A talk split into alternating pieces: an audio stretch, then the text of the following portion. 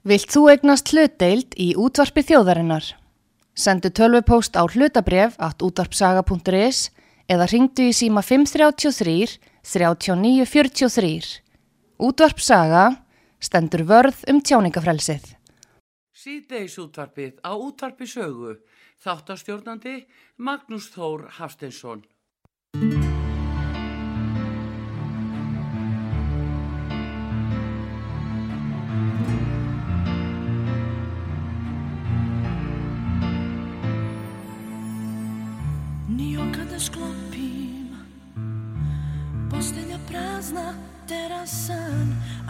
Život se topi I nestaje brzo kod dlanom od lan Ko razum da gubim Jer stvarnosti ne primećujem. Još uvek te ljubim Još uvek ti slepo verujem. Ko luda, ne znam kuda Ljubavi se nove bojim A dane žive rane Više ne brojim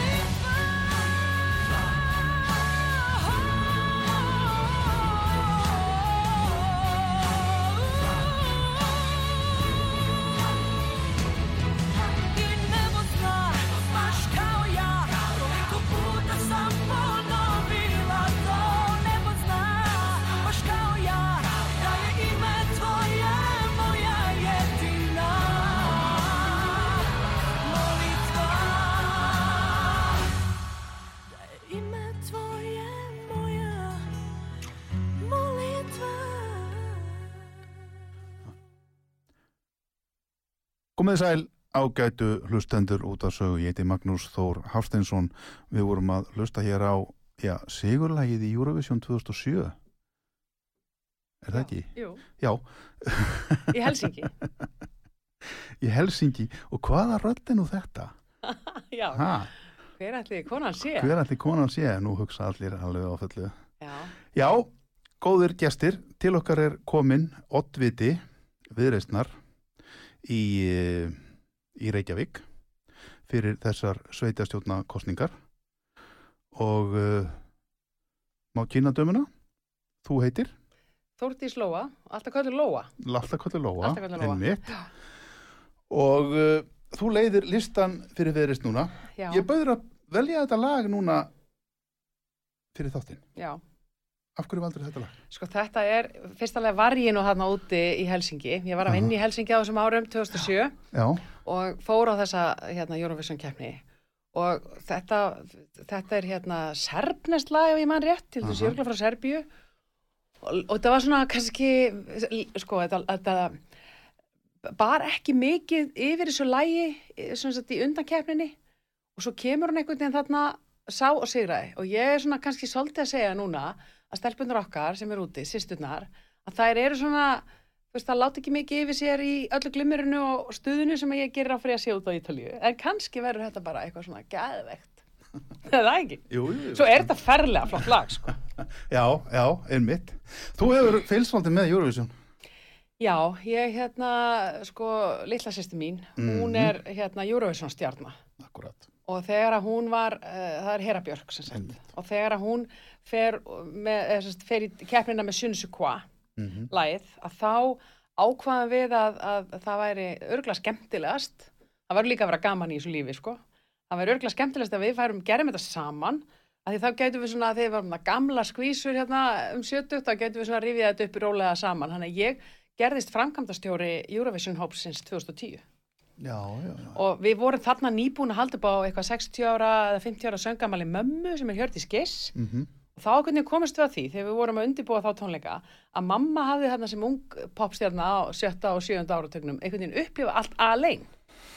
Og það var enginn til þess að rifja upp sko þegar að mannstu þegar við vorum að spila þarna í Keflavík eða eitthvað, hún var eitthvað að tala og þeir voru bara allir dánir, kallarnir sem voru með henni. Þannig að við sýstum já, þetta er góð hugmynd við förum bara tvær, það er ekkert svo langt á mill okkar sko, þannig að hérna, við verðum bara, þegar það gamla skísur bara, vannstu þegar við vorum í Oslo í sjönu sig hvað þannig að ég fór bæði 2010 og 2007 reikalega gaman. Já, reikalega gaman. Og þú fylgist alltaf með þessari Já. gefna hverju ári. já, ég ger það nú. Þetta er, svona, svona mismikið þó, en, en jú. Já, svo fylgist ég svolítið, ég verði að viðkenna það sko, þetta veit, þetta er smá nörd, nördaskapur ég fylgist með sko sænsku hérna, Melody Festivalin það Já, er bara svo mikið sjó. Aha, svíjarnir eru bara svo ógislega góður í að setja upp sjó. Já. þannig að við hjónakotnin hérna, setjum þetta stundum á og, og horfum á, á sænska, sænska júró Akkurat. Það er mitt. já, Já, þetta er skemmtilegt. Og já, Þórdís Lóa Þórhalsdóttir, þú leiðir viðreist núna. Þú byrjaðir í pólitík fyrir fjórum árum. já, já, í þessari pólitík, já Ég er borgarpólitíkinni. Já. Þá varstu að bjóða í mann þegar þú komst fyrst fram fyrir fjórum árum. Nú ertu að koma aftur inn í gufu kólfið, svo má segja, já, eftir fjögur ár, heilt kjörtímabil. já Hvernig er þetta búið að vera?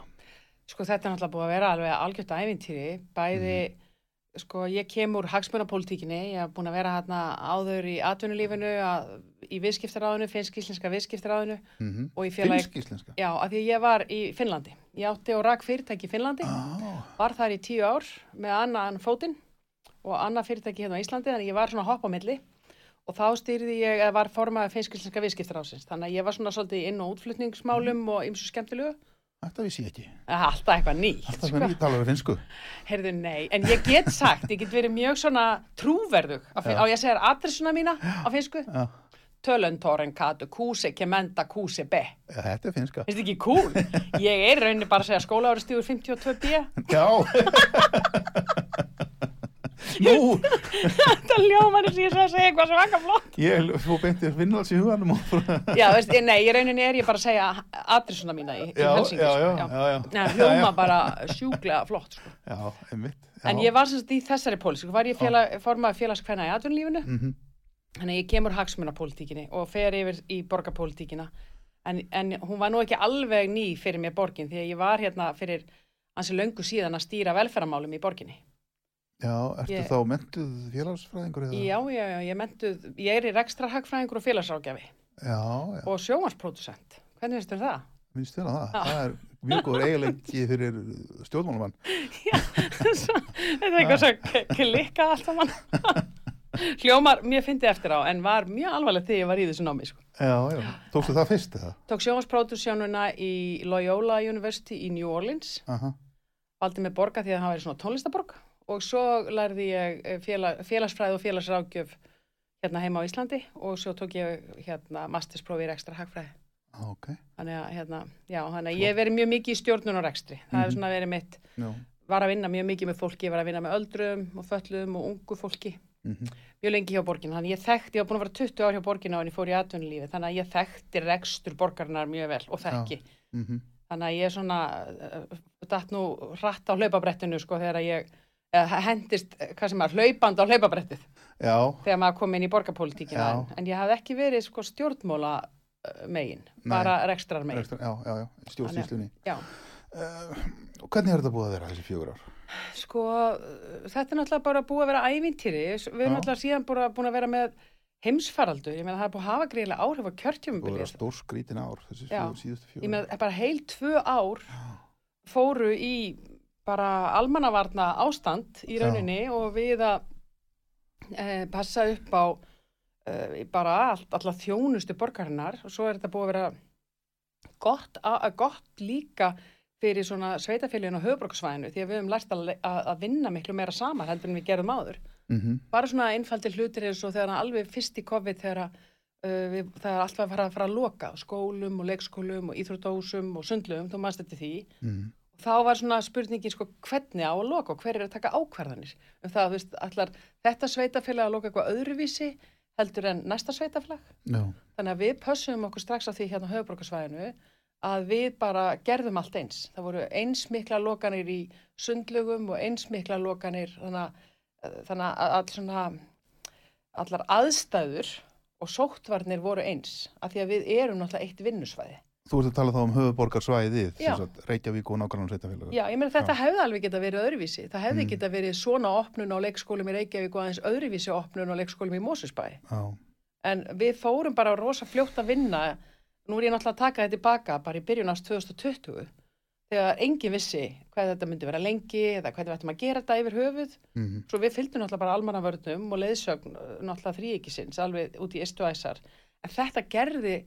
þetta breytti mjög miklu. Þetta breytti því að við fórum að vinna saman um, og bara einhvern veginn pössum okkur að því að það væri alltaf samræmi í öllu sem við gerðum. Hvað var það í þjónustuna? Mm Þannig að það var, það var bara mjög lærtónsríkt, en svo er þetta náttúrulega bara búið að vera fjörugt í pólitíkinni líka, hörku stuð í kringum stór mál eins og samgöngu sáttmála og húsnæðismál og, og svona flugvöllurinn náttúrulega til umræðu og svona þessir klassísku stóru mál, já. já, já, Og, og, og fleira náttúrulega það náttúrulega búið að vera að herja á ykkur allt kjörtíðanbili þannig að sé það af minnilutanum eða hvað, ég minna, því að nú verið gaggrindir ímislegt og það er alltaf þannig held ég. og viðreist verið gaggrindir að hlaupa undir sem var að dekka og bjarga Já, já, það er allskins, Og svona- það er allskins sagt. En, já, ég veit það, hefur það, hefur tekið það eitthvað að þig? Ég er, það er einu það sem ég er að fiska eftir, sko. Nei, hefur, hefur, ekki. Þér þetta hafa verið erfitt? Sko, mér, fannst, mér finnst margt hafa verið erfitt, en ekki Mm. þetta. Nei, Mér fannst mjög erfitt þegar við fórum í gegnum uh, svona byrjunum á COVID og við vorum að átt okkur á, það tók á okkur öll.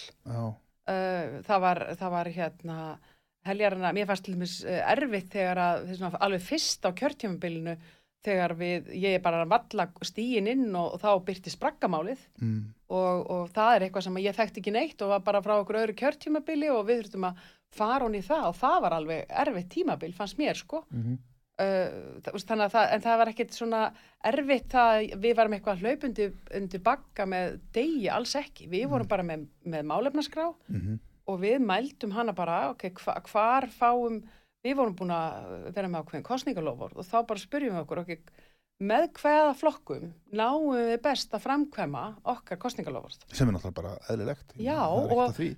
Og svo er þetta bara þannig núna að hérna, það er aldrei neina tveir flokkar að, að stýra, þetta er alltaf þrý, fjór flokkar. Þannig hefur bara pólitíkin leigið undanfærin ár. Það er svona fjórflokkurinn er bara búinn og sem betur fer að miklu meiri fjölbreytileiki í þessari pólitík í dag. Mm, og þar að leiðandi þurfum við öll að læra að vinna saman. Og þá þurfum við bara að finna leiðir.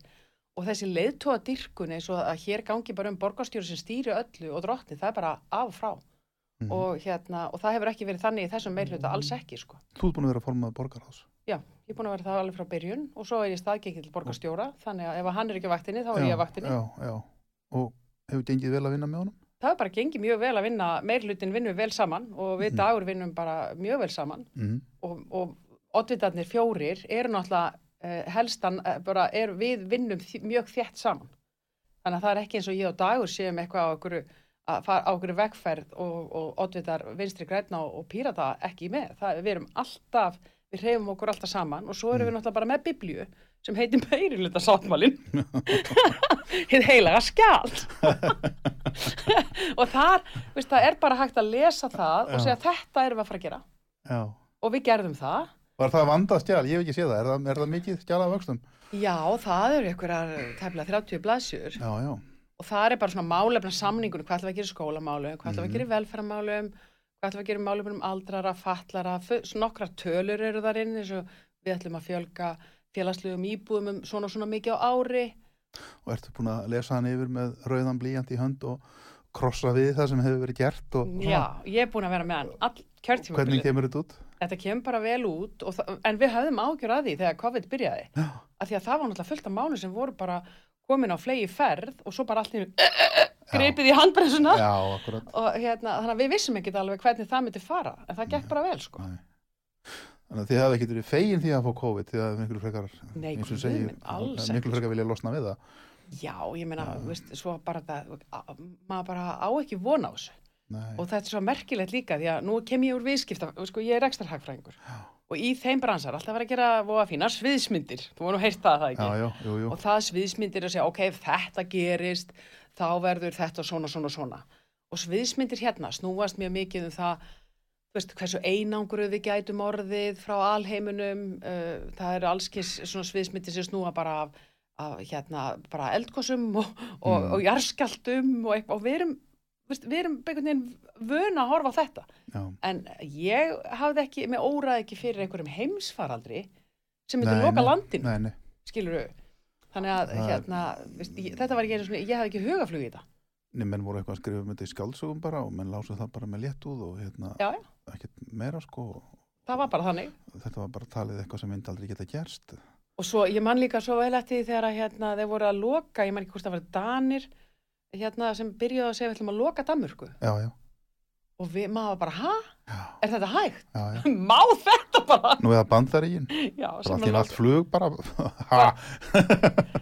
veist, þetta var, þetta var rosaskrítið og, og hérna, það hefði náttúrulega verið langt best ef við hefðum, ef það hefði ekki komið fyrir, af því að það er náttúrulega fullt af fólki sem að veiktis mikið og á erfitt í dag, já, já, en, hins vegar er það, sko, að þetta ábáslu lærdumur mm, og kerfið okkar, mm, og nú er ég ekki bara að hugsa um Reykjavíkuborg, ég er að hugsa bara um Ísland, innviðinir okkar, þeir stóðust þetta og það er það sem ég er þakklátt fyrir í dag. það hafi verið eins konar álagspróf, Já, bæði á ríki og sveitafélag. Já, þetta var, það, þetta var Já. sannlega álagspróf okkur, allskins stopnanir, fyrirtæki líka, hvernig þau bara breyttu sér eittur og bingo og allir konir í heimavinnu. Já, Vist, það var bara svo margt sem að, hérna, við eigum eftir að, að lifa með næstu áratugina sem breytist út af COVID, sko. já, verður, já, einmitt, já, kannski einmitt þessi sveigjanleiki, við kannski fundum það að það er alls mikil sveigjanleiki til staðar í samfélaginu. Ég held til það með, sko, Aðlugunarhæfni. Já, ég er í stjórn hérna samband íslenska sveitafélaga. Mm Ég hef svolítið verið að ræða að það séu gríðarlega tækifæri fyrir sveitafélag út á landi. Nú er ég semst þingengur, ég er svona skrítin blanda af breyðhilding, þingeng og árnesing. -hmm. og hérna, þannig ég bæði montin og kæft fór það er hættilega blanda en hérna sko, ég er, er skóabúndi norður í. Þingjasveit og þannig ég er mjög mikið þar. Og, og tengi alveg við svona landsbyðina og sveitina og er þar meir og minna. Nema sko það sem að hefur náttúrulega er alltaf vandi þegar maður er í sveitarstundum út á landi, það eru atvinnumál. Mm. núna, eftir COVID, þá held ég að silfa ótrúlega tækifæri fyrir sveitafélög að í rauninni mæta, sko, fá fólk til sín, bjóða upp á góða þjónustu, sem eru þá leikskólar og skólar og þetta sem að fjölskyldur vilja, Mm og góða bandvít í hérna, internettengingum, þannig að það sé bara hægt að vinna hvar sem er. Þú getur verið með þennan útvastátt, Já, já, bara heima hjá þér í fjós eitthvað staðar, já, já, það er Hvað bara heima hjá mér upp á Akranesi. já, nú eða það, Það er kannski í framtíðin að verði bara þannig. þú verður bara, Ma, maður bara pluggar sig inn klukkan tvö og já, heima í stofu og einhver gest og kaffi og Magnús og Skar. Já, já, tökum það þátt. Þetta er kannski, nefnir að þetta er ekkit, ég segi bara hvers vegna ekki, ég sjáum bara þessar óbóðslegu tæknibreitingar sem hafa verið bara, bara núna á örfáum árum, bara eins og dæmis þessi fjarfundatækni sem við höfum kynst og já, það sem við höfum komið með í farsímana sem náttúrulega bara, þessi farsímar í dag eru bara undra tæki. þetta er náttúrulega bara tölfur, risa tölfur, Þetta eru þessar tölfur, þetta er útvarpið manns, þetta er sjónvarpið manns, þetta er bókasafnið manns og, Mm. og, og tónlistasafnið manns og ég veit ekki hvað og hvað, þetta maður með allt í vasanum. Þetta kom bara til fyrir nokkrum árum. Þannig að ég held að það séu endalast tækifæri aðna og við erum ekki alveg búin að sjá og svo náttúrulega þorir maður ekkert að spá lengur þegar maður er búin að fara gegnum heimsfartur þá er sem maður bara, æ, allt sem að maður segir er einhvern veginn bara uh, þarf ekkert endilega að enda svo leið sko. Nei. nei.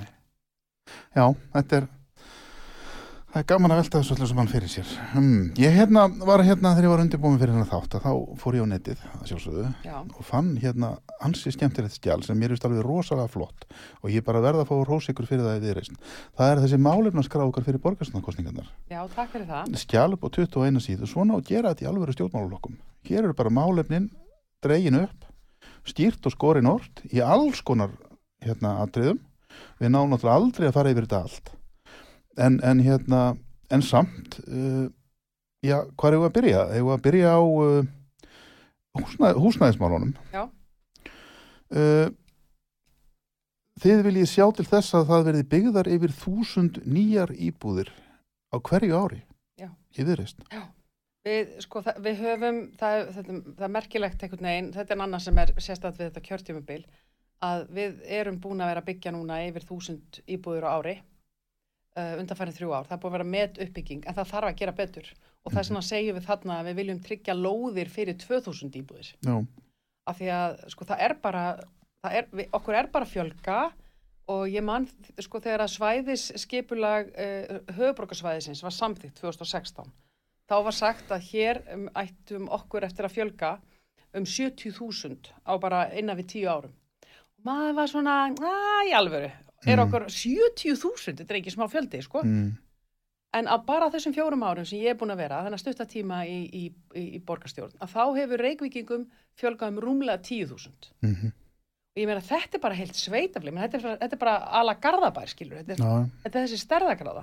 Þannig að við verðum að vera með uh, skýra og góða og, og gegnsæja uppbyggingu og við viðreysni erum svona kannski flokkurinn sem er uh, alltaf svolítið, við viljum gera góðar áallanir, við viljum fagleg vinnubrögð, við viljum að þessi gegnsætt og við viljum langtíma áallanir og það er hægt að breyta þeim ef að eitthvað stórkostlegt breytist en við viljum byggja okkar á áallunum og það er það sem við erum að gera þarna. Við segjum hefði minnsta þúsund íbúðir uh, byggðar mhm, en lóðir fyrir 2000 Mhm. af því að við getum ekki stýrt uh, hraðanum á, á byggingarhraðanum þegar við erum búin að útdeila lóðunum þá getum við ekki byggt, ekki stýrt því En- en, það getur alltaf tafist sko. En er það ekki of sein með þetta? Hefði ekki átt að vera búið að vera að byrja á þessu fyrir löngu? Já, meina, við getum alltaf bara staðið fyrir þetta kjörtímabil núna sem við erum að klára sem er met uppbygging já, og, og nú erum við bara að horfa til framtíðar. Met, er búið að vera met uppbygging og þessu, Met- hún hefur þess að snúst um þéttingu byggðar og til dæla dýrt húsnæði kannski. ekki bara, við erum búin að vera við vorum að útluta lóðum alveg langt fram til kjörtímabil upp í Úlfarsódal Uh og nú eru þær meir og meina farnar. Mhm, Uh, þannig að þetta snýst náttúrulega um þetta svæði sem við höfum. Við erum búin að skrifa undir samning. Uh, Öll sveitafélagin á höfubrókarsvæðinu skrifuð undir svo kallar svæðis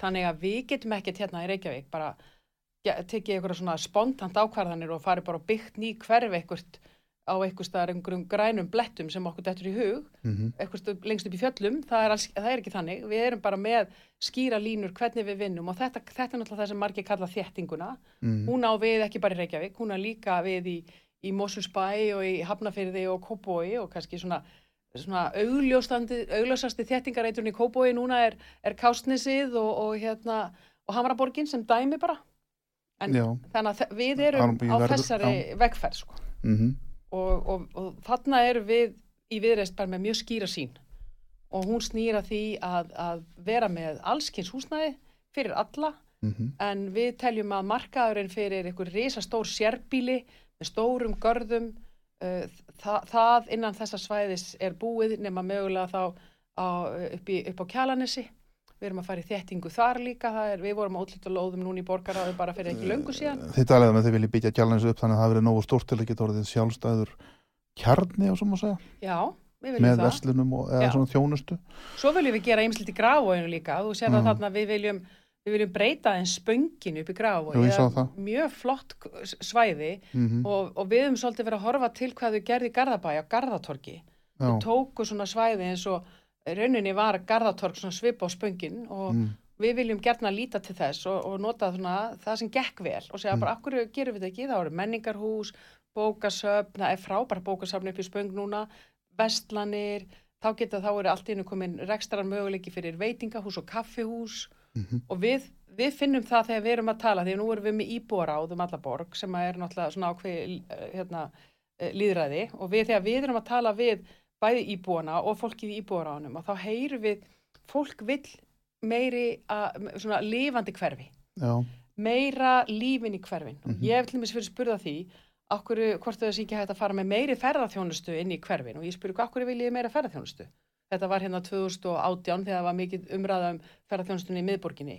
Og þá sögðu þetta var, þetta var fólk í bústæðakverfi og, og hérna upp í hlýðum og þá sögðu þau það er að því að við sjáum að Vesturbænum og Laugadalum þar sem ferðarmenninir eru það er komið rekstragrundöllur fyrir kaffihúsum og ymsi, ymsi þjónustu í hverfanum sem var ekki áður. Mhm, Og þetta er held ég eitthvað sem er bara frábært. Við eigum að reyna að gera hverfi meira lifandi, sko. já, en mitt uh, þið viljið, viljið sundafröðina Já, við höfum alltaf verið fylgjandi viljið sundabröð. verðið farið í hana á þjórtjónvilinu núna Já, absolutt. uh, en, en geldinganesið Já, akkur er ekki byggt þar sko, geldinganesið, það náttúrulega voru gömul plön um það að byggja. Það er náttúrulega alveg ótrúlega veðrasamtar. Ég myndi nú freka vilja sjá það sem svona grænt ég útivistarsvæð. er ekki sammála, ég hef oft labbað um geldinganesið Já. og skoðað og látið mig dreyma Já, hérna, hérna, það er nú ekki langt frá spönginu og frá grafa nei, nei, nei, þetta er á besta og ef stað. sundabröðin verður gerð þá verður hún lögð yfir geldinganesið það sé nú allir sammála um það Já, ég, nú man ég ekki nákvæmlega, það- um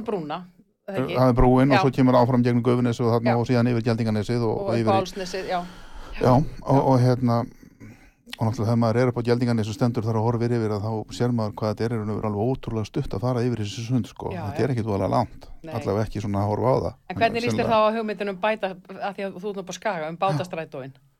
Bátastrætóin Það er búið að vera svona hugmynd að bátastrætó frá gufunisinu mm, og inn í miðborg, sem Mhm. bara samgöngu. mm. Já, þetta var nú reynd á agrann sem er svona ferju sko, sem hún var reyndar yfir faxaflóan sko. Jú, jú. það var nú kannski meira svona stormasamt sko. En hvers vegna ekki, ég er mjög hlindur öllu svona lífi, ef svo má segja. Þess vegna vil ég líka hafa flugvöllin þú ert ekki sammála mér um það. Því mér er svo gaman að sjá flugvöllin að koma og fara. Já, það er, sko, ég get alveg skilið það. en þið viljið losna, þið viljið losna við flugvöllin Já, við og þið segjum, viljið byggja þar? Já. Ég meina, gott og vel, það er bara sjóna mið allt lagi. já, svo bara svona, við horfum til langs tíma þá segjum við bara svona flugvöllur, hann á bara ekki heima inn í miðri borg, Mm. hún hefur stækkað svo mikið þessi borg. Og við bæði þurfum á svæðinu að halda en bara frá öryggisástæðum og allir áhættu stýringu í framtíðinni. Og það eru einhvað borgir með bara flugvöll inn í miðborginni, sko. Þetta er bara, þetta er flugvöllur í 101, það er bara Mm, þannig, sko. mm, og þannig að við sjáum það bara sem svona ákveðna þróun í mínum huga getur flugvöllurinn bæði við náttúrulega í Keflavík en líka á Kvassarhrauni það er samkomulag núna í gangi við ráðuniti um það að, að mæla veður á, kvass, upp í Kvassarhrauni það gengur ágætlega, við fáum nú einhverja tölur um það fljótlega. En svo náttúrulega þegar að, þegar að talandi um hvað gerist á þessu gjörtjumabili þegar gósi byrjaði Já, á Reykjanesi þá náttúrulega bara svona oppu sí, byrju, hvernig er með hérna Kvassarhraun sko? En veist, það er ekkit enn það er ekki, það er ekki búið útilega Kvassarhraun það er mjög margir sem halda það, það er ekki búið að því sko. nei. en, en, en Keflavík verður alltaf nær og nær já, já, og vissan hátt, það er alveg rétt sko, Þorgjörður Katrín var nú hérna hjá mér í gær, þinn formaður og hún talaði bara hreint út um þetta, bara flugvöllin burt og svo bara lest, tjefla ykkur Já. Þrátt fyrir að vera haffringur og þorgjörður, þá eru bara nokkuð skýr Já, hún talaði svona já, Já, já, allt í lagi, ok já.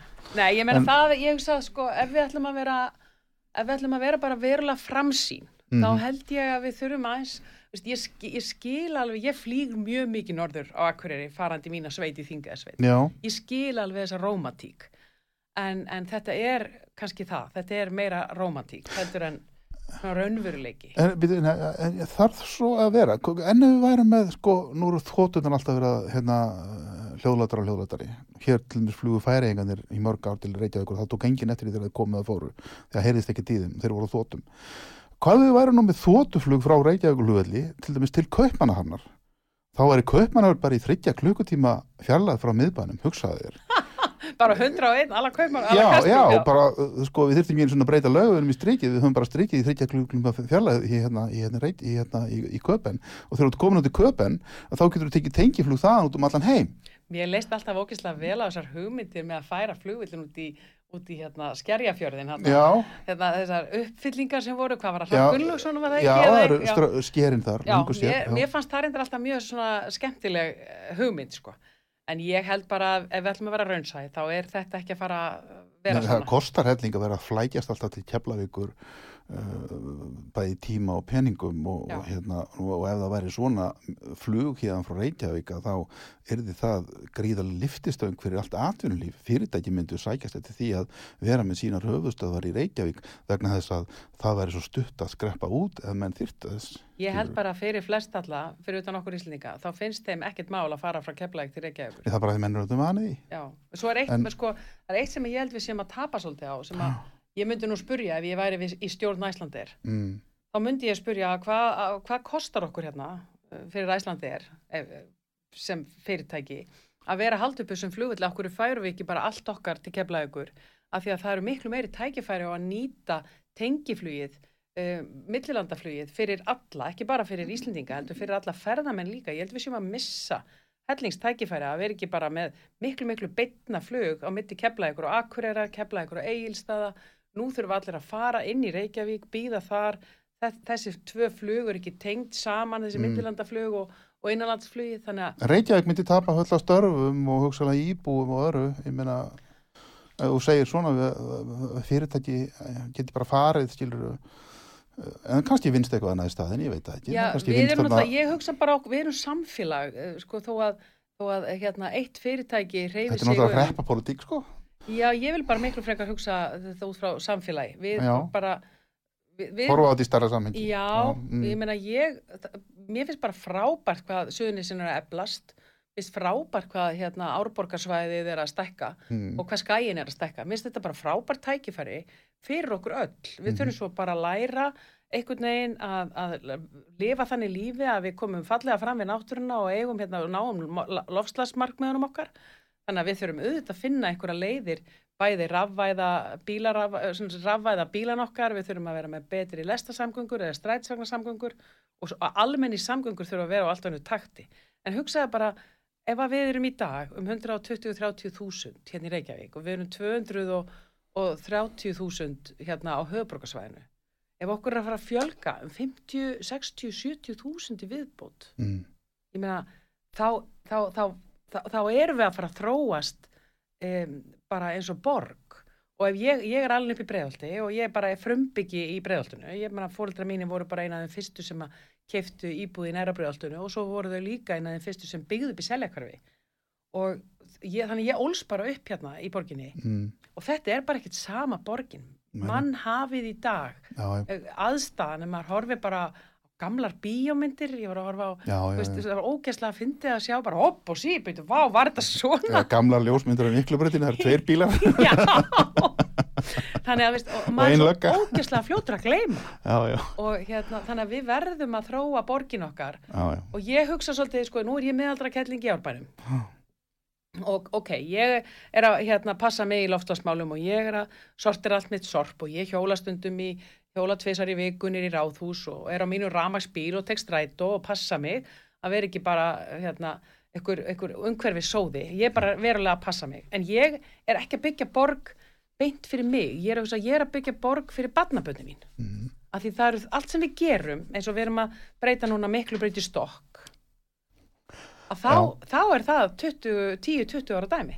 Mm. Já, við skulum taka það núna eftir auglýsingalík, góðir hlustendur Þórdís Lóa Þólastóttir uh, oddviti viðristnar í borgarstjórn, í borgarstjórnar kostningunum núna og já, formaður borgaráðs og vara borgarstjóri Vara borgarstjóri, já. Þetta er nýtt jobb. nýtt jobb, já, við segjum það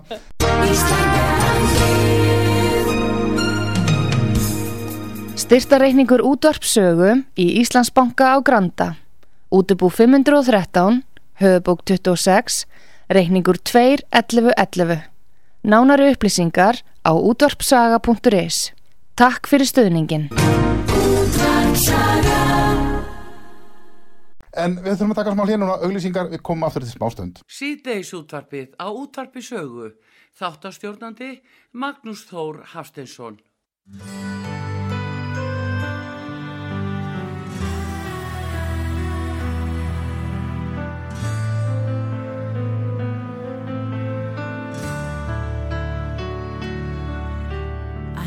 Could see a beautiful tomorrow that was meant to be where you and I were living in a dream. If I could have you by my side, the sadness that you've given me would disappear. I would forget all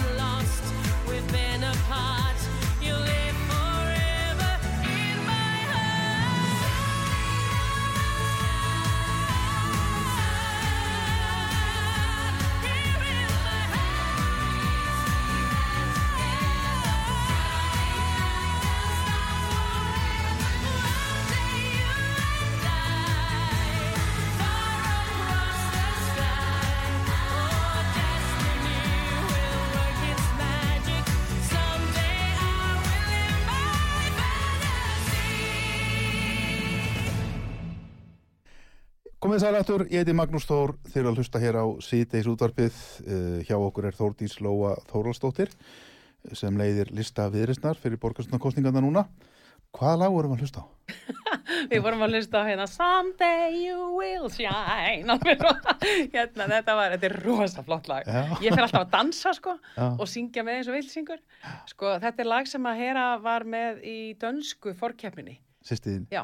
Hera Björk. Og var í öðru sæti þannig að hún var bara hásbreytt frá því að vera framlag Dana. 2010 Eh, Nei, þetta var bara fyrir alltaf ekki Fyrr, já. 2008 eða 2000, 2009 Já, hún fór fyrir okkur 2010 Já. já. Þetta var ekki 2008 en ég er nú ekki 2008, best í já. þessari sögu sko.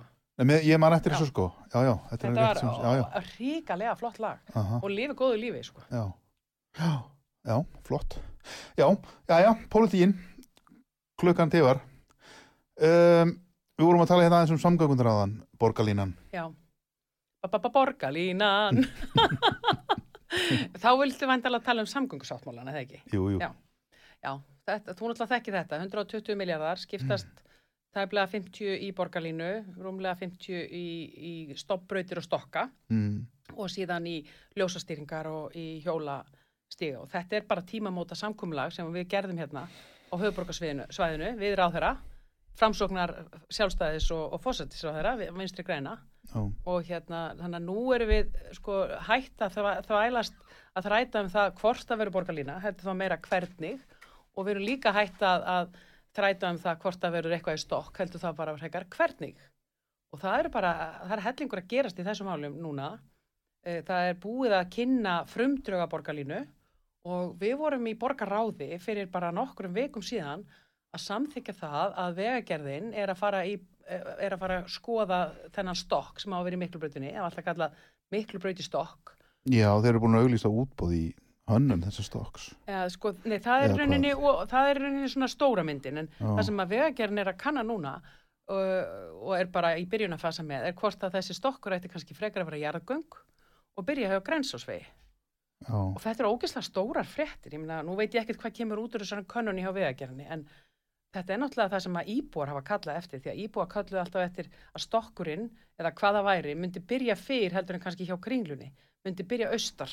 Uh og hérna og, og það ef að við endum hérna sem er náttúrulega ennþá spurningamerki með öllum þeim fyrirverum sem þar eru ef við endum hérna með jarðgöng sem að fara bara inn frá hotnin á Miklubröð og Grensásveg og í gegnum brekkuna og alla leiðin er að ringbraut að ringbraut og snorrabraut og þar. Já. það er náttúrulega bara eitthvað ævintýri sem að maður áttar sig ekki alveg á hvernig endar. En þetta verður alveg ógæslega flott. Og ógeðslega dýrt. Já, en við verðum líka að, að fjárfesta í þessum innviðum alveg eins og öðrum sko og við erum með þetta, þetta er partur af samgöngu sáttmálunum, allt saman. já, já Þetta er efins. Já, sko, ég, ég svolítið við þessu, þessar, framkvæmdir og hefur að velta aðeins fyrir mér sko, hvað ætlið að gera meðan þessar framkvæmdir standa yfir, til dæmis með hjáleiðir annað, hvert á að beina umferðinni? Þetta er ekki smáraðis umferð sem fer um miklubreytina Þú verður eiginlega að fá bara eitthvað frá vegagerðinni til þess að ræða svona Ég á að fara með teknísk þannig á sæbraut eða, eða, eða, hvað, ég minna, hvert á þetta að fara? Í gögnunum sem að voru lög fyrir borgaráð um, um göngin, hvort þetta Já. skoða göngin, þá eitt af rökunum þar var að það væri auðveldara á meðan á yfirgangstímanum stæði. Það það verður auðveldra með göng, já, Já. ég sé það alveg fyrir mér sko, en, en, ef að fara að leggja þess að stokka, Mm. þá er það eitthvað sem tekur mjög langan tíma, örugglega verður mjög flókið, fullt af lögnum og alls konar bara tæknilegum atriðum Já. sem ég sjálf og sér hef ekkert vita á en nei, ég veit ekki, svo er annað sem ég líka velta fyrir mér og það er það að fara svona með umferðina sko, það er ákveðin hluti lífsgæðana um það að ferðast um borgina að geta séð í kringu sig. Mm þegar maður, er- þó maður sé að kæra er maður alltaf með augun á öllu kringu sig og er að horfa kring og maður sér ímislegt og svona skilur þetta er bara hluti af þeirri upplöfum að vera ferð. Já, já, nú bý ég hinum með. Bakranesi og ég fer alltaf ekki um göngin fram og tilbaka þegar ég þarf að fara til Reykjavíkur mm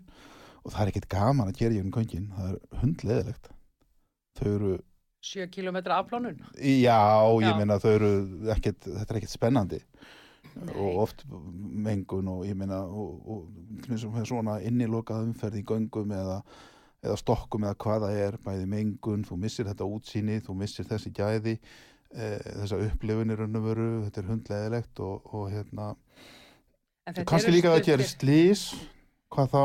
Já, eh, þetta er náttúrulega bara allt saman heilbriða spurningar þegar kemur á svona göngum eða, eða stokkum en þessar, þessi Já, erum við búin að hugsa þetta til enda? Ég meina, er þetta, er þetta hægt? Þetta er Já. bara einlega hægt Já, já, já, þetta er náttúrulega, já, já, þetta er alveg hægt og við erum sko langt í frá að vera fyrsta borgin til þess að þróa svona. Þú náttúrulega ert alltaf í svona stokkum í Oslo, eða þú hefur komið þangað. Já, Stöðugt þar, hún er orðið mjög, mikið að göngum þar, mikið að göngum í Brussel Já. og þá er þetta bara svona stuttir stokkar. Þetta já. er ekki alls aldrei að fara að vera neini sjö kilometrar. Ég man, ég man nú ekki hvað þetta er langt frá Grensás og hingan er á, hérna, það er er á einhverju, hornið. einhverju kílómetrar sko. kannski tveir, eitthvað svo leiðis, það geti verið, mm, þrýr, mögulega, ég veit það ekki. Ég er 8 kilometra, það er það sem ég veit. Ég, ég hjóla 8 km heima frá mér á árbæin í Ráðhús þannig að það, maður horfir Það er á ekki lengra það? Nei, það er ekki lengra og hérna, og ég man það, þetta bara veit ég að ég svo labbaði ég svo oft heim, gæla það að ég bjóði upp í breiðalti ég labbaði svo, ég var ung heim bara tók strauið hérna hallarinsplanið, Já. breiðholt. Þannig að- ég met í botti minninu sko hvað þetta er langt. Þetta er ekki drosalega langt, en þetta er samt ég skil alveg hvað þetta fara, þetta er hérna, auðvitað er þetta náttúrulega bara eitt af þessum stóru málum, það eru öryggi en það sem færð út úr þessu það er flæðið. Við erum líka, eins gaman að það að fylgjast með í kringum okkur, þá erum við líka oft uh, mjög órólega yfir umferðinni. Og þarna ertu bara með flæði umferð sem stoppar þig ekki neitt. Það eru engin gatnaljós eða neitt þannig að umferðin sem að er fyrir ofan hún er að fara inn í hverfin en þú finnur ekkert fyrir henni Já, að það en akkur, akkur gerum við þá ekki, breyrum við þá ekki bara frekar að bæta flæðið um miklu breytina til dæmis með því að gera sko svona undirgóing til dæmis á gatnamótum kringlumýrabrautar og uh, miklubrautar sem eru mjög þung gatnamót. Þar væri hægt að gera göng undir bara á kringlumýrabrautinni, undir miklubrautina. Þá ertu komin í risastór mislega gatnamót. Nei, ég er að fara að göng bara undir miklubrautinni eins og hún er í dag. Bara, hluti af þessi partur af, af kringlumýrabrautinni sem fer undir miklubrautina, það færi bara í gegnum göng, það, Það er brekka þarna fyrir neðan, já, norðan megin. það er svona halgjustokkur eiginlega. Stokkur, já, Já, það er já, já. meina þar ertu þá búin að leysa þau gatnamót, þar er það bara komið með reynd flæði þar í gegn, svo nú annað sem er líka sem ég skil ekki og það er uh, hérna uh, ljós, til dæmis eins og ringbrautinni Einn, einn maður getur stoppað allar umfyrirna því að það er að komast yfir göttun Akkur er ekki lengur búið að gera göng þarna undir eða, eða hreinlega bara brú yfir eða hvað? Ég Já, þetta er nefnilega, sko, það er, við erum alveg með göng á Miklubraut og Lönguhlíð, þau eru bara ekki stað. Þú er ekki notuð. Nei, og það er bara, þannig eru við sem fólk, alveg svo þér finnst gaman að horfa í kringum þig. Já, og það er þú út að ferðast, að þá eru þeir sem eru, nei, þau eru bara ekki notuð ah. og, og brýr eru miklu, miklu stærri í umfangi heldur maður heldur. þær eru það sko, þær eru það Þannig vissulega að hérna, vissulega. en þær eru meira notaðar hins vegar, en Mm. göng einhverju hluta vegna uh, nýtast illa og Mm. hérna, þannig að það er ekki hægt, en ég, sko, nú ertu bara komin út í, þú ert bara fákvæmt frá vegagerni hérna og spjalla við þig og þetta, þú ert komin í mikla tækni. Við erum að hugsa borgar þróun, Aha. flæði, passa upp á hérna, lofslagsmálin, hvernig við getum séð samgönguna þróast með val fyrir alla, við erum með ungt fólk í dags sem vil ekki sjá eiga tvo bíla, segja jú, jú, ég til í einn bíl mögulega, ég vil bara, hér séu almenni samgöngur, Já. ég vil geta hjólað, Mhm. uh, við erum með stóran hóp sem er bara uh, mjög, uh, svona, hvað maður að segja, heldur okkur við efni þegar kemur á hjólastígum, passa upp á þessi ruddir og þessi lístir og þannig að þú veist, það er, það er svo, marg, það er svo margar tegundir af okkur fólkinu, Já, ég næ líka fullt af fólki núna bílum og vil líka að það sé mokað og ég menna það var óanæg hér í vetur út af snjómókstri og það, og það, allar þessar þarfir Já. verða að vera. mm Veturinn í vetur var náttúrulega ævintýralegur. Hann, hann var bara, uh, ég hef bara ekki séð annað eins upp í Árbæ. mm. Hérna, ég er nú bara svo feinin sem vetur er búinn, sko. Fyrir það hvað hann var erfiður í, í að, bara fyrir, í aðgengi, fyrir fólk sem var uh, bara með batnavagna, hjólastóla, göngugrindar, haltur á hækjum, Mm. hræðilegt, sko. Og ótrúlega erfitt. Og við verðum náttúrulega að læra þessum vetri, við vonum að hann komi nú, þetta er náttúrulega 20 ár sína, 22 ár sína svona vetur hefur verið áður, en ég meina það þýðir samt sem áður þeir geta komið aftur Já, og við þurfum bara að vera með tól og aðferðafræði til þess að mæta því. mm Þetta var mjög erfitt. tími líður rætt Já. Það er alltaf tvent sem langt að tala um árum við förum Ok, uh, Hið fyrra er laugavegurinn. Já. og hitt eru skuldir borgarinnar. Það er bara litlu málin í lokin. Það er litur mann lógin Já, já. Nei, laugavegurinn, hvernig Já. hérna tökum það aðeins. Pavel var í sjónvarpinu í gær Lengst, lengsta göngugat í heimi. Já, já, Já, það var skemmtilegt. Já, já, já, já, en hvað, hérna, e- ætlið að gera þetta? Þetta er nú bara meira svona, uh, svona létt og skemmtilegt hjá Pavel með þessa spurningu. Já, En auðvitað er framtíðasýnin svo að lögavegurum verði allur göngugata uh, og líka ákveðin svæði að í kring. Ég meina við erum núna til dæmis búin að samþykja frábært nýtt skipula við hlem sem, að mun, eh, sem er bara hérna rétt hjá þér, sem að verður hérna, farið í á næstu árum og, það, er- og þá mun öll umgjörð í kringum hlem gjör breytast sem dæmi. hefur breytingin sem þegar er orðin þar, hefur hún við velökuð?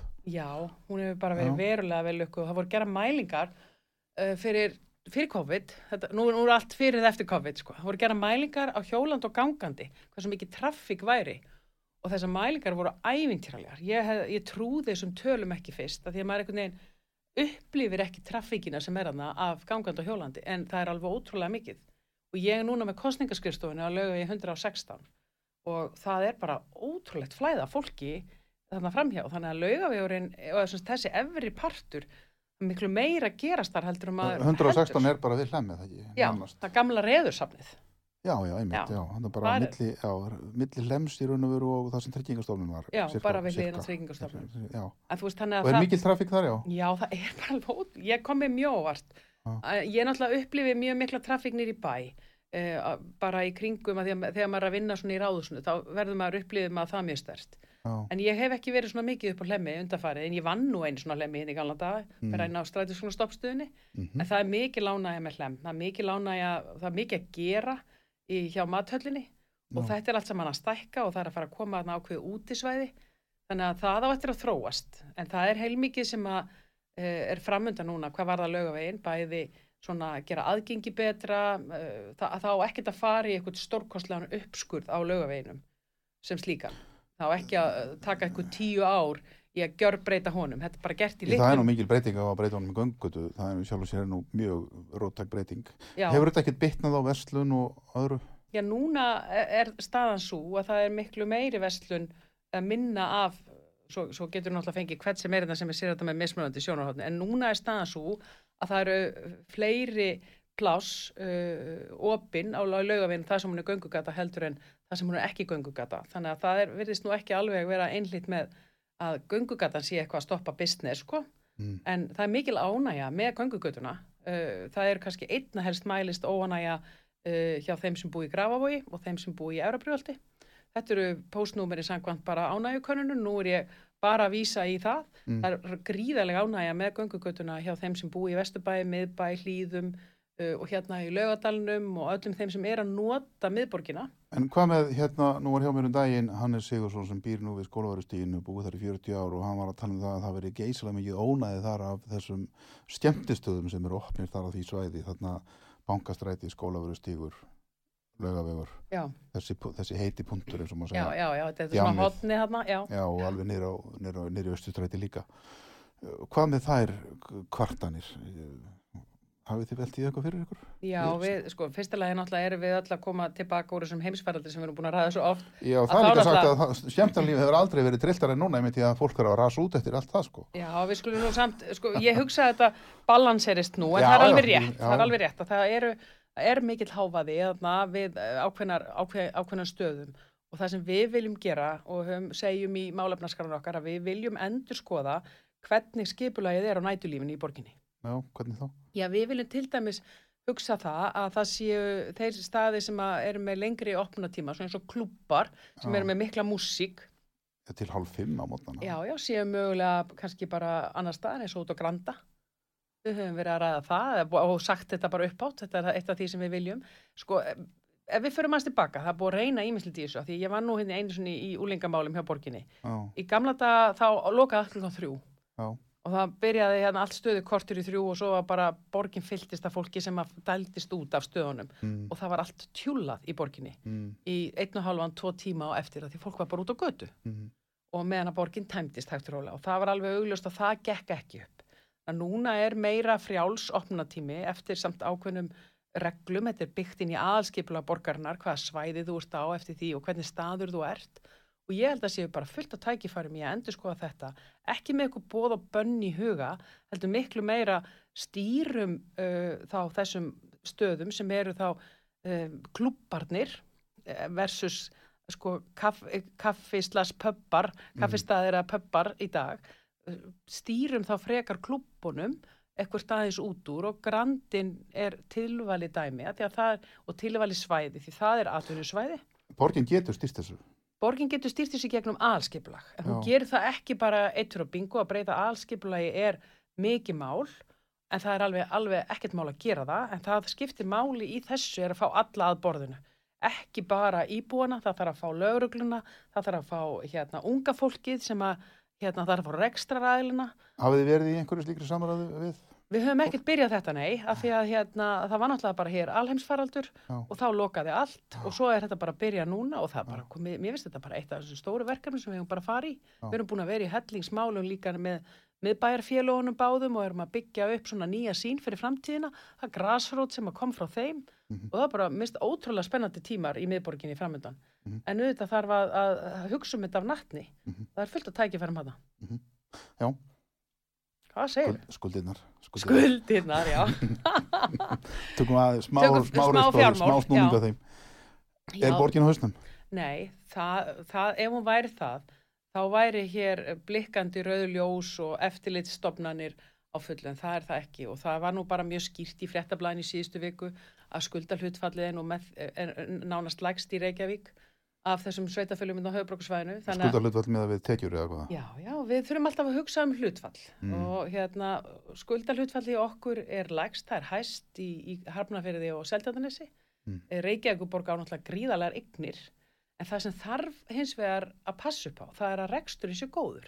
Það gengur ekki að við séum að skila með hérna tapi, að, e, við séum í mínus eins og við erum búin að vera núna þessi tvö COVID-ár, við vorum að ræða uh, ásreikning í, í borgarstjórn í gær og hann kom nú mun betur út heldur við þorðum að vona því að við vorum að áalla miklu meira tap á árinu 2021 heldur en var niðurstaðan af því að þessi ár hafa verið mjög erfið og það er erfið fyrir öll sveitafélög. Þannig að við erum bara nokkuð sátt en það fyrir mér ef ég hugsa inn í framtíðina hvað er það sem við viljum gera inn í, á næsta kjörtjumbili þegar kemur að, að rekstrinum Ég myndi vilja að við myndum vera komin út úr þessum hallarekstri bara um strax um mitt kjörtímabil, Mhm. fylgja, við höfum alveg fylgt ráleggingum uh, fjármarránsins, við bara fórum ekki uppsagnir, við hefðum getið gert það. Við hefðum getið að fara í uppsagnir og mik mikið niðurskurð, en við gerum það ekki og við lærðum þá hrunun að það er ekki leiðin. Við, við viljum ekki fleiri atvinnuleysa að núti og ég held við séum að sjá núna lítið atvinnuleysi er rauninni partur af því að það bæði ríkið og sveitafélugin heldur fólki í vinnu og fyrirtækin fengur hjálp til þess að halda fólki í vinnu. Mhm. Það að halda fólki í vinnu skiptir öllu máli. Því að langtíma atvinnuleysi er bara ótrúlega erfitt fyrir samfélag. Já. Þannig að borgin bara er á ágæti stað. Ég myndi gætna vilja sjá hana uh, hagraða aðeins meira. Við höfum verið í hagraðingaferli. Ég vil einfalda kerfið meira. Ég er tilbúin til þess að samina, ráð og nefndir. Þið viljið selja eignir, þið eru svolítið viljum grimm í því. selja eignir, við viljum gera það vel, takk fyrir því. Við já, viljum vanda okkur. Vand ykkur, já. Já. Nefnum engin öfn. Við viljum bara vanda okkur mjög vel og við föllum ekkert frá sko okkar stefnu þó að það hafi tekið stíla hjá hérna, nokkurum að selja Íslandsbanka núna. Já, Þá föllum við ekkert frá því að við viljum selja Malbyggunastöna hefða. Við trúum því að Reykjavík borga ekki að vera samkemnisrekstri. Já sko, við viljum allavega núna fara að endurskoða hvernig við erum að reka orkuveituna. Er einhver samkeppnis þættir þar sem við ættum til dæmis ekki að vera í? Ég vil Mhm. endurskoða það. Þetta er reysa mál, tekur ekki eitt ár að klára svona, það tekur alveg 2, 3, 4 ár að fara hún í þetta. Ég vil líka, uh, og þarna ertu bara komin að því hversu ólík við erum mörgum, hinu flokkunum okkar í, í meirluta. Ég vil að við styrkjum uh, sjálfstæð starfandi meira inn í leikskólum og skólum, ég vil meiri nýsköpunin í velferð og Já, þið talið um að þið viljið að bila stórfyrirtæki reyki bara sína eigin leikskóla. já, ég held að sé bara tækifæri til þess, við þurfum að hugsa með nýjum leiðum, við þurfum að brúa þetta bil og við þurfum að vera með miklu fjölbreyttari úrræði til þess, ekki bara steinsteipun í miður hverfi, ég held að sé bara fullt af fólki að núti með frábæra hugmyndir og metnað og ástriðu til þess að gera vel í þjónustu. Mhm. og við eigum að trúa og treysta þessu fólki og gefa hann tækifæri. Við erum fallin á tíma. Já, hérna, hérna, hérna. Já, já, þetta er búið að vera gaman. Þetta er bara fínt. Ha, Þetta er búið að vera mjög fínt. já, já, já, já. Þetta er, þetta er bara fínt hjá okkur held ég. E, þetta leggst vel í þig. Já, þetta Þið gerir ætlaði að ná það. tveimur, þreim mönnum, fjórum mönnum. Sko við Segðu vorum... fimm. Já. Ég ætla bara að vinna þessar góðningar. við erum, við viljum stekka. Við Já, já. viljum hérna, og til þess þurfum við náttúrulega aðkvæði. Já. Það er nú bara þannig. Fólk getur kynst sér bara stefnu ykkurinn á viðrist.is Já. eða komið í kostningarsýrstofuna hjá Já. okkur Og við erum sko bæði með stutta útgáfa af stefnunni og líka lengri sem þú verðst að lesa. Já, já, Vel gert að lesa hana. frá, já, það er bara gaman. Já. Já. Uh, þá er þættinum lokið ágætur hlustundur Þórdís Lóa Þórlastóttir Ottviti viðristnar í Reykjavík var gestur minn hér að þessu sinni, ég heiti Magnús Þór Takk fyrir að hlusta, verðið sæl